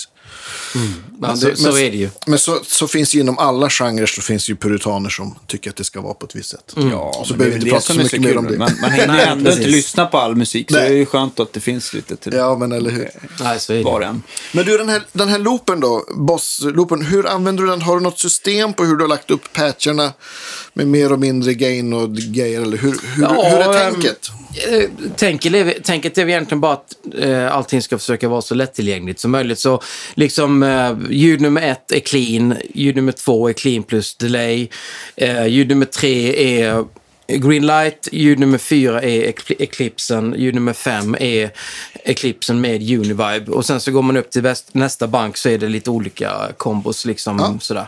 Eh, cleant ljud med Univibe, eh, green light med Univibe och så vidare. Ehm, Men, men, eh, men clean med delay, då har du ändå så att, så att loopen slår på delayet då? Ja, precis. Ja. Och det, det är ju nu när jag skaffar den här switchen så kan jag ju stänga av det. Liksom, Just det. Så, så, att, så jag behöver inte eh, hoppa jättemycket liksom, på Jag, jag tänkte på, eh, eftersom du nu har eh, tre Olsson, en Greenlight, en Fastner och en Brownie. Mm. Eh, vad är det du liksom... Jag fastnar, fastnaren är ju liksom väldigt speciell och Mm. är väldigt duktig, bra på så här oktavfast del och eh, även som vanlig fast är den ju kul. Men, men jag tänkte så här skillnaden, hur upplever du skillnaden mellan Brownie och Greenlight när du spelar? Ja, alltså jag tycker väl att Browning har en lite mer så old school eh, feeling i sig. Alltså typ mer åt, vad heter det, bluesbreaker-hållet liksom. Mm. Medans eh, Greenlighten är, är lite mer modern. Inte, inte, ja, jag ska inte säga mer åt Tube Screamer-hållet, men kanske lite så. I alla fall mina öron. Och sen är det väl lite att jag tycker att eh, om man har lite mer gain på så, så de låter ju helt eh, annorlunda liksom sådär. Eh, Jag tycker ju, jag älskar ju Brownie när man har den på, ska vi se, det är ju tight. Eh, Alltså low gain-läget ja, eller? low gain-läget liksom. Och det ger lite liksom kristall uppe på det. är underbart. Ja, visst. Just det. det, jag, jag är ju väldigt svag för just den typen av kretsar och, och har ett par stycken. Mm. Fyra, tror jag. Och den där är nog, har nog seglat upp som den som jag tycker är vassast. Jag På tycker just att, den, liksom, de är liksom näst, nästan inget. Ja, jag använder min också. Men det jag tycker att det blev så lyckat med den där, det är den här är kontra ton. Att det blev Visst. så himla lätt och oavsett stärk och gitarr, att man kunde lira in det så himla snyggt. Absolut. Sen så uh, håller jag nog med om också att jag, eller det går lite fram och tillbaka beroende på hur, hur hotta mickar man har. Men, men eh, det här tight-läget är ju trevligt. klart. Absolut. Men man kan, det som är roligt, det kanske man inte kan med Greenlighten i samma utsträckning. Den är ju mera så här, eh, vad ska man säga, ett stansat ljud på något sätt. Medan den här eh, Browning kan man ju ställa in ungefär som att man, eh, man ställer eh, gainen i lagom volym och ton och är där. Så kan man ju liksom ställa den så att man inte hör om den är av eller, om man visst. av Nej, på det. den. Så den kan ju vara extremt transparent. Om man bara vill ha lite grus på Precis. toppen. Är man lite sugen på, ni har väl gjort ett eh, liksom eh, OD? Ja, flera. Ja, Men flera. jag tror att det senaste är väl med de varianterna. Ja, exakt.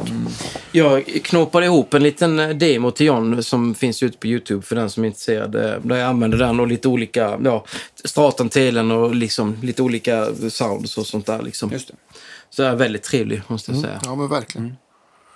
Men när du använder Brownin eller Fastnen, använder du dem mot någon, någon eh, speciell patch här på bordet att det redan är lite skitigt? eh, Eller, eller mot cleana sound? Eh, då är det mot cleana sound. Eh, och så har jag ju då, eftersom jag har den här spellen som sitter under bordet, så då hamnar ju eh, Brownin eller Fustnen då liksom uppe på, på den. Just det. att säga.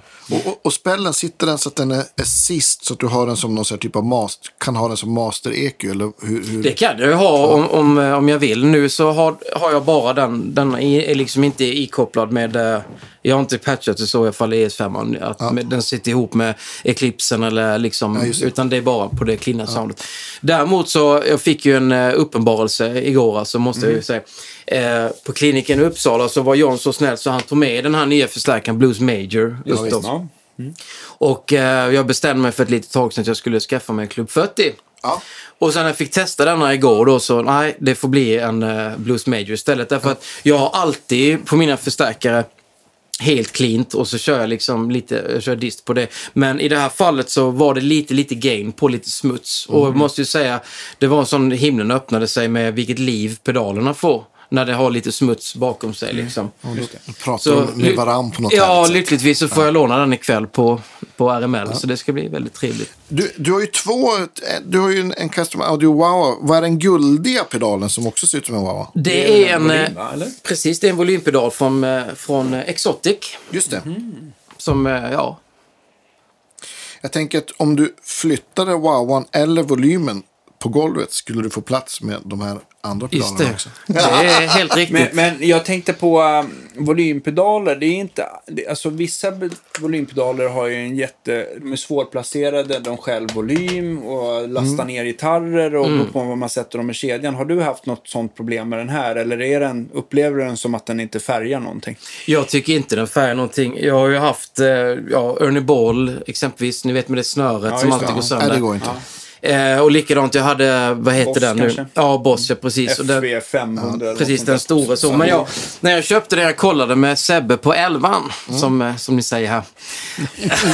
det var han, eh, för, det, vi hade nämligen eh, försökt att hitta den någonstans, den där Exotic-pedalen. För jag tyckte att storleken var, då, då hade han den hemma av en ren slump och så Ja. frågade han, nu är det liksom, det är samma frågor som du ställde Danne, med, om den, hur det är med ton och volym. Och, ja, Är den aktiv? Eh, nej. Nej. Och var sitter den i kedjan? Har du den absolut först eller? Alltså, den har, är det att det är två in och två... Alltså är den både expression kopplad och... Som Du, nu har jag inte kollat För på... det, går så- in, det går in tre jack i... En är ju, en är ju tuner eh, out Jaha, som jag, då som jag har. Mm, och då sen in ut då. Det förklarar sig. Men är den här alltid på? Eller här, jag har ju aldrig, jag, jag har liksom aldrig sett den här. Eller, eller är den liksom... Ja, den är, den är alltid på. Det, Eh, att- och, så- eh, och den ligger ju, nu ska jag bara se så jag säger rätt, så att eh, diskpedalernas gain påverkas inte utan det är bara volymen Okej, som just blir... det. Så det det innebär att de är ju efter, Efter då. drive. Ja. Jag kan faktiskt berätta för er som har såna här Boss-pedaler eller, eller tycker att den stjäl eh, passiva, eh, att de stjäl för mycket, så gör John en, en, en, liten bu- en, en eh, bufferkrets som man kan koppla in i dem. Spännande. Ja, precis. Ja, det är ju eh, Ja, allt, det är alltid ett, ett, ett aber till, till stil så kör jag, när jag kör volympedal så kör jag alltid en aktiv. För det har liksom, men, men det är kanske men inte... den här kan man göra om en passiv Ja. till en aktiv. Om man, det kräver väl ett borrhål för 9 volts batteri. just annars det. Och det, fun- det är väl bra, Ja, men jag tänker så här, om man har, om man har en volympedal efter driver som du har, då, du har ju alltid, nästan alltid på en drive, liksom, misstänker jag. Alltså, Ja, så är det ju. ofta. Och, och då spelar det ingen roll, då driver ju den signalen, men om man har om man, har liksom, om man inte har, om man har volympedalen först, Ja. så att det är liksom gitarren är det första den ser, så måste det bli på ett helt annat sätt. Ja, precis. Då, det är där det oftast eh, skiter sig. Sen är det ju så, eh, jag tänker på timelinen har ju en inbyggd buffer i sig.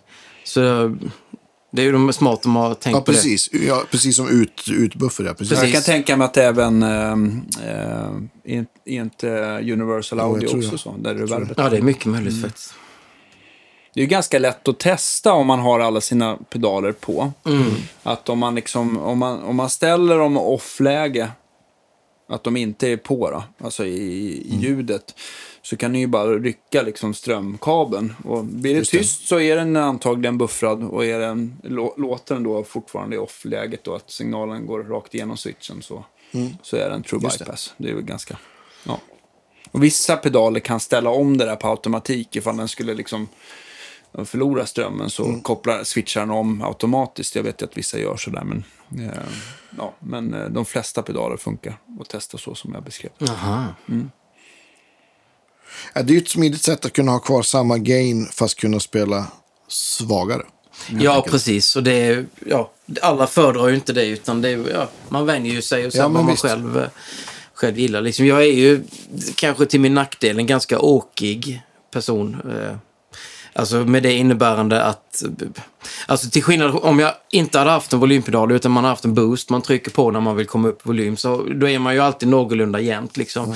Men, jag, men det är så svårt just med, med bandet för det är så himla, himla dynamiskt liksom beroende på vilken låt det är och, och lite så. Plus att man kan ju göra lite coola swells och sånt där med volympedalen. Absolut. Så att för mig passar det, passar det nice. Men jag tänkte, av det som har suttit längst på borden så verkar det ju vara timelinen som du har hållit kvar vid. Är det så att den, det är ingen eh, pedal som gör, kan det den kan? Eller hur, ser det ut på marknaden idag? För man, ser, man har liksom sett den så himla länge på folks... Att den har blivit som en slags standard sådär. Saker som kan, jo det finns väl absolut. Men, men det har väl blivit som en modern classic. Precis på samma sätt som H9 har blivit det. Att den, den gör något väldigt, väldigt bra. Så därför lever den vidare. Ja, okej. Men det är inte så att det, liksom, det är bara den som, som, eh, som är så lättrattad eller rätt programmerad eller att den liksom... Jag tänkte så här varför ni ändå har valt att ha kvar dem på era bord. Ja, jag har ju också en timeline på ett bord sedan 12 år. Eller Ja. typ när den kom. Om den gick sönder och du var tvungen att ersätta den med något annat, vad, vad skulle du valt då istället? Eh, jag har testat lite för lite. Men i dagsläget så skulle jag nog skaffa nya DL4. Alltså Line 6. Just det, den, jag, ser- jag har sett att den har dykt upp. Men den, eh, den är lite på samma sätt. Det verkar som att de har tänkt till lite grann. Den är lite mindre i storlek och de Exakt. skyddar rattarna lite bättre. Visst. Och, eh, ja. ännu mer ljud. Och, och liksom, i och med att jag har spelat jättemycket Line 6 liksom, överlag så känner jag mig bekväm med de effekterna. Så det skulle, vad skulle du välja om timeline gick sönder? Eh, en ny timeline. Ja. Nej, du, jag har nog lite för... Jag har alltid varit lite sådär eh, liksom eh, allergisk till att... Alltså man vill ju alltid ha nya prylar liksom Ja. sådär. Men jag har alltid tänkt om det, man är nöjd med det man har så... If it ain't broke och så vidare. Nej men precis liksom. Alltså UA, UA-delayet är ju helt fantastiskt. Det, Mm, det det är inte hört. li, lika versatile som, som, eh, Timeline med... som timeline. Är. Och än så länge så kan man ju inte programmera det heller. Det tror jag förmodligen kommer lösa sig. Ja, Nej, men med jag, tiden, alltså men- grejen är att jag, alltså, jag har ju provat det här, det här reverbet för att Mm. jag är ändå så här, äh, jag spelar gärna på stärkare som, som baseman-kretsar och Ja. inte har inbyggt reverb.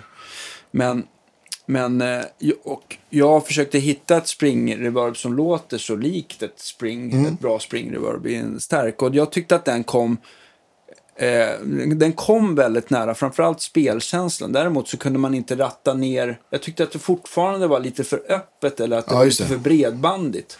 Men visst är det så att man kan gå in i, I appen, dem, ja. i men appen? precis. Precis som med, med H9 så har du en app i, i telefonen. Okej, då kan man, och då kan man sk- skära till det där ännu precis. bättre. Liksom. Ja. Eller en app i, i datorn. Liksom. Ja, just det. App, app, app. det är smidigt. Ja, ja, men det är det Så faktiskt. det, det, det, då, för jag tänkte, jag hade lagt den åt sidan tills Mm. jag förstod att den hade en app som... eh, Mm. Ehm, hur bra är delayet? Det är lika bra som reverbet. Det är Ja. super, super bra. En grej som jag tycker är helt fantastiskt just med det reverbet, det är att eh, man kan ju spara liksom sitt go-to-reverb. Eh, så det blir sparat så att säga. Men sen så kan man trycka på en annan knapp så att den går efter de inställningarna som Ja, är på, på pedalen. Så om man vill ha något så liksom superambient ljud som är liksom med det ena och det andra på så kan man bara trycka på den andra knappen och vill man komma tillbaka till sitt ursprungsljud så är det bara att trycka på store. Eller så, den som är sparad. Det är faktiskt väldigt smidigt. Grymt. Har, har du något sånt där, någon pryl som du vill höver? Ja, förutom, vill för, förutom, förutom, Blues Major då, ja, så, nej, som är- den har du redan beställt, så det räknas inte. Nej, det, är, det är nog den. Alltså, man, jo, det är en pedal faktiskt. Eh, jag har ju spelat mycket Maxon eh, genom åren och har, jag har nog två SD9 tror jag. Och för ni som har spelat den vet ju att den är ju ganska speciell. Mm. Eh, det är ju med det här kända felet i tonkontrollen. Att om du har tonkontrollen på klock, klockan 12 så är det ju så liksom myggorna trillar ner från skyn. Eh, så den tonkontrollen där är ju ofta liksom på 20 i eller kvart i max. Men Scott Henderson släpper ju en, en ny signatur eh, Maxon eh, pedal då som heter SH9. Där de bland annat har åt, åtgärdat detta felet med tonkontrollen. Och så har de ändrat lite så att basen är liksom lite mer eh, tydlig. Liksom Just det, de har gjort de klassiska moddarna. Den, Ja, är, li, den lite, man kan säga att den inte kapar basen på riktigt samma sätt. Nej, men precis. så. Eh, så den är jag ju väldigt, väldigt sugen på att testa när den väl kommer. Den, jag tror den är släppt typ nu, så det tar Ja, väl ett kul. tag Ja. innan den kommer hit. Det, är väl, eh, det är väl det senaste liksom sådär. Man är sugen på. Kul. Grymt. Vad har, vi, vad har vi missat nu, tänker jag? Det var någon... Ja, Nej. jag vet inte. Vi har ju pratat om, om gitarrer och eh, vad som ska hända och en massa pedaler och grejer här och, och ny stärk. Och, Strä- Strängar du alltid dina gitarrer med exakt samma, eller åker det liksom lite olika tjocklekar fram och tillbaka på dem, eller hur? Ja, där är nog, kör jag alltid 1046. Och, uh, kör du vanliga Diadario eller NYXL? Eller NYXL. Har, det har ju kommit också de här coatade nya, har du hunnit det. provat? Nej, jag har inte gjort det faktiskt. Jag är, är inte så glad överlag för som vi säger i Skåne, kötade eh, strängar. Eh, jag har det dock på min Acke, har jag Elixir. För där tycker jag, där, det funkar med på elgitarr, så jag får inte... sa du att du hade elixir? ja, vi kan klippa bort. Nej, Nej, jag men, skojar bara. Det är inget fel Men på Elixir. Dan- Men jag tänkte Dan- eftersom du ändå har... Eh, men de här eh, strängarna så... Det här är de... Eh, det är ju som NYXL fast coatade. Just Ja, det. ja. precis.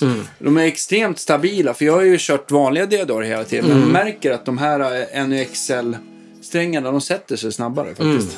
Ja, och de, de håller ju stämningen. väldigt mycket Ja, de längre. gör det. Och- Sen, det som jag värdesätter väldigt mycket också just med NXL, det är ju det att alltså, alla har, tycker olika såklart, men vissa menar ju på att strängarna är skönast när de, precis när de har åkt på eller när de är inspelade ett litet tag. Men jag tycker att för mig så, så känns de väldigt sköna att spela på oavsett om de är helt nya eller om de har suttit på ganska länge. Liksom. Jag Och det, det får man ju värdesätta lite grann. Liksom. Jag dödar ju strängar så att jag, jag älskar den här kombon av NYXLs Alltså att de sätter sig och de här strängarna, de jag vet jag har hållit på och mixat med mickar i min stratta nu lite fram och tillbaka.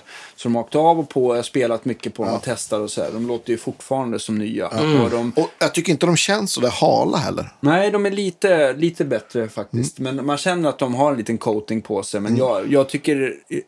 Jag föredrar det jämfört med den vanliga känslan. Bara för att jag tycker att det, att det känns som en mer nytvättat på något sätt. Liksom. Jag, jag har ju någon sån konstig grej. Jag har ju blivit helt beroende av de här små röda burkarna som Just det. har. Med. String. eh, Precis. För att om, om strängen blir så att det så här, fastnar, det Mm. tycker jag, det, det har liksom gått från att jag inte tycker om det till att jag nästan tycker att det är obehagligt. De, ja.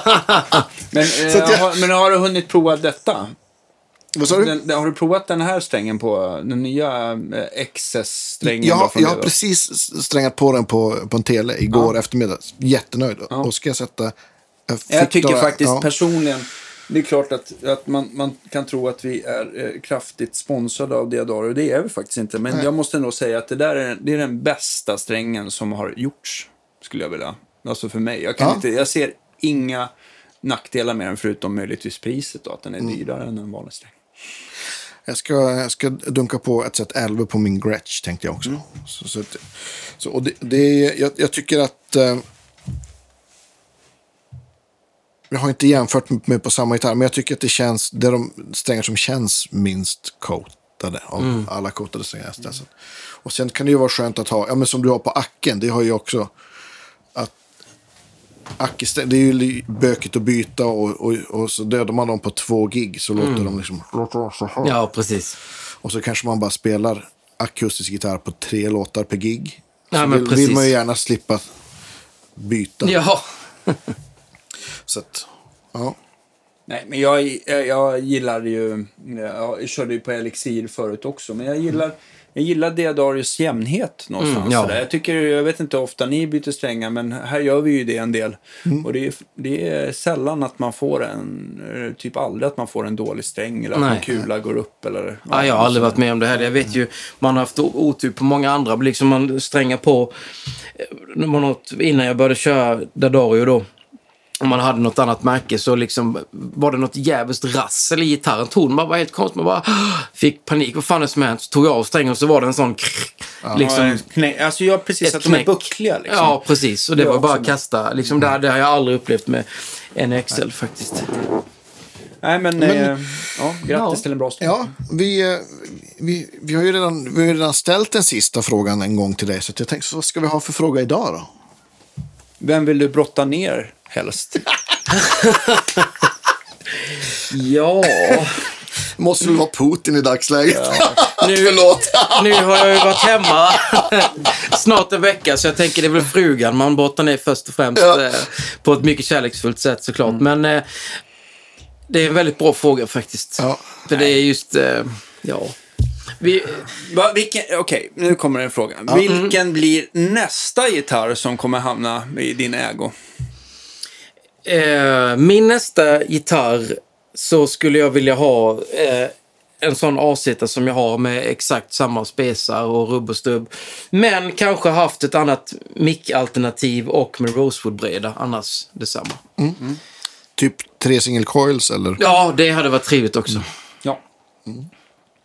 Härligt. Stort tack för idag. Tack ska ni ha. Jättekul att, surra igen och det, vi kommer garanterat göra det någon fler Ja, gång. Och underbart. jag ser fram emot att få höra dig spela ikväll. Det ska bli skitkul. Ja, jag har fått i rummet och över nu. Nej, nej, det behövs inte. Du får öva ner dig som vi sa. det. Jag kommer ju inte för jag har ju barnen så att Jag brukar förstår. ta det lugnt. Mm. Nej, jag skojar bara. Jag, jag, jag skulle inte märka någon skillnad om du har värmt upp eller ej. Jag tror att det är lika fantastiskt Ja, oavsett. absolut. Ja, ni är för snälla. Nej då. Ja, vi, tack ska ni ha. Stort tack för idag. Vi hörs Ja. nästa vecka. Hej då! Hej då! Hej, hej, hej!